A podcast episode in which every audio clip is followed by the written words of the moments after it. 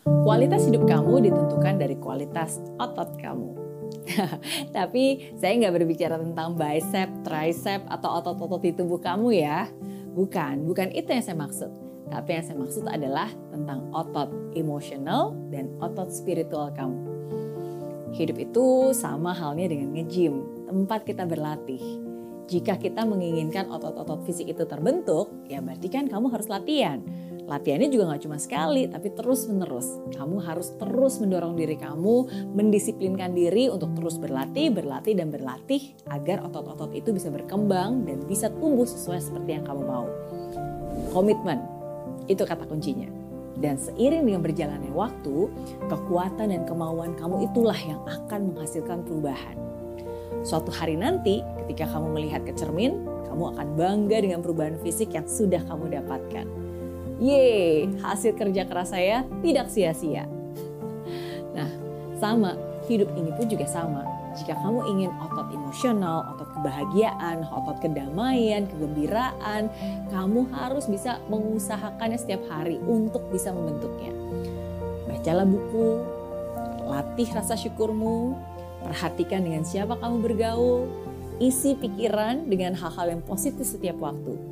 Perhatikan juga apa yang kamu tonton, apa yang kamu dengar, apa yang kamu baca setiap harinya. Dan lakukan semua hal yang juga dilakukan oleh orang-orang lain yang bahagia.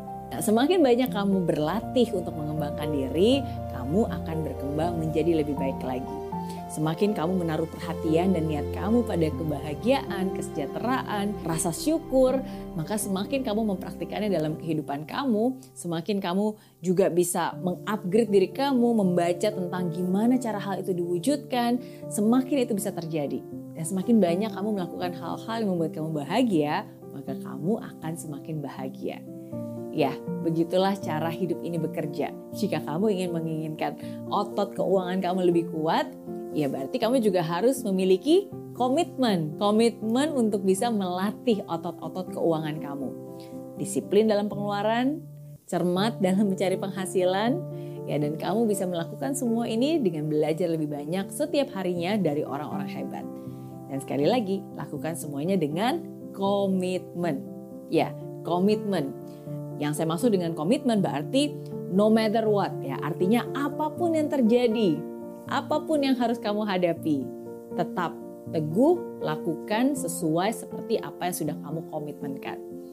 Nah, sama. Kalau tadi otot keuangan, jika kamu menginginkan otot spiritual, ya berarti kamu harus bisa menjadikan pertumbuhan spiritual kamu sebagai sebuah prioritas, sebagai sebuah keharusan, bukan hanya sekedar rutinitas ya, tapi itu harus jadi prioritas. Berlatih setiap hari, kembangkan kekuatanmu di area itu bersyukur, terus bersyukur dan memastikan bahwa hubungan kamu dengan Tuhan menjadi lebih baik. Memastikan hubungan kamu dengan diri sendiri dan juga dengan orang-orang lain juga berjalan dengan seimbang.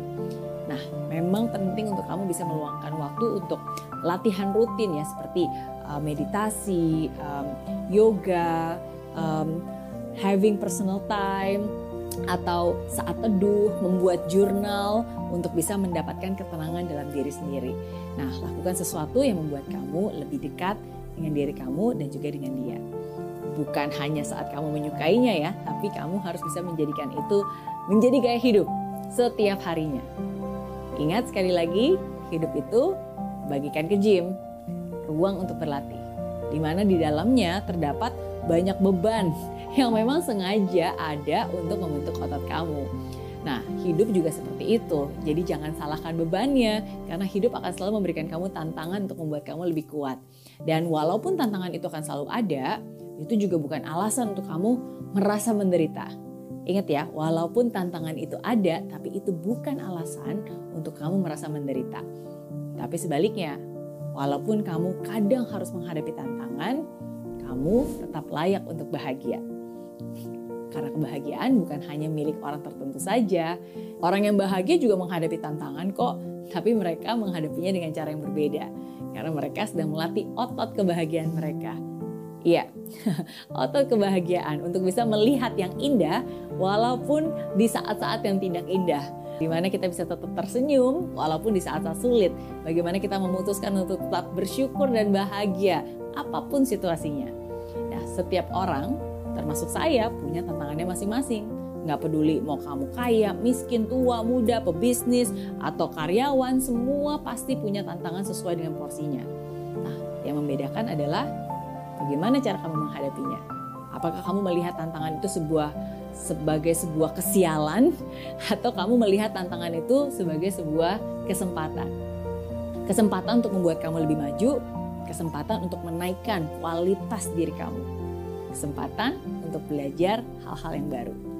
Nah, jika cara pandang kamu benar, kalau kacamata kamu benar, maka tantangan-tantangan yang mampir dalam hidup kamu, perlahan itulah yang akan membentuk otot-ototmu. Ingat sekali lagi, Kualitas hidupmu ditentukan oleh kualitas ototmu. Jadi apa yang sudah kamu lakukan hari ini untuk membentuk otot-otot itu?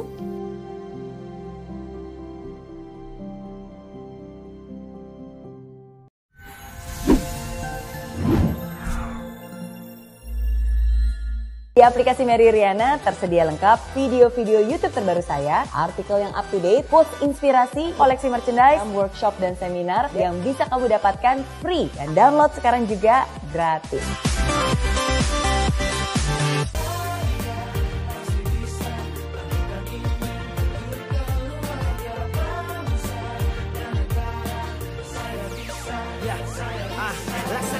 tanpa hujan Hidup tanpa Kering dan mati tanpa hijaunya tumbuhan ah. Demikian kalau mimpi tak kunjung terjadi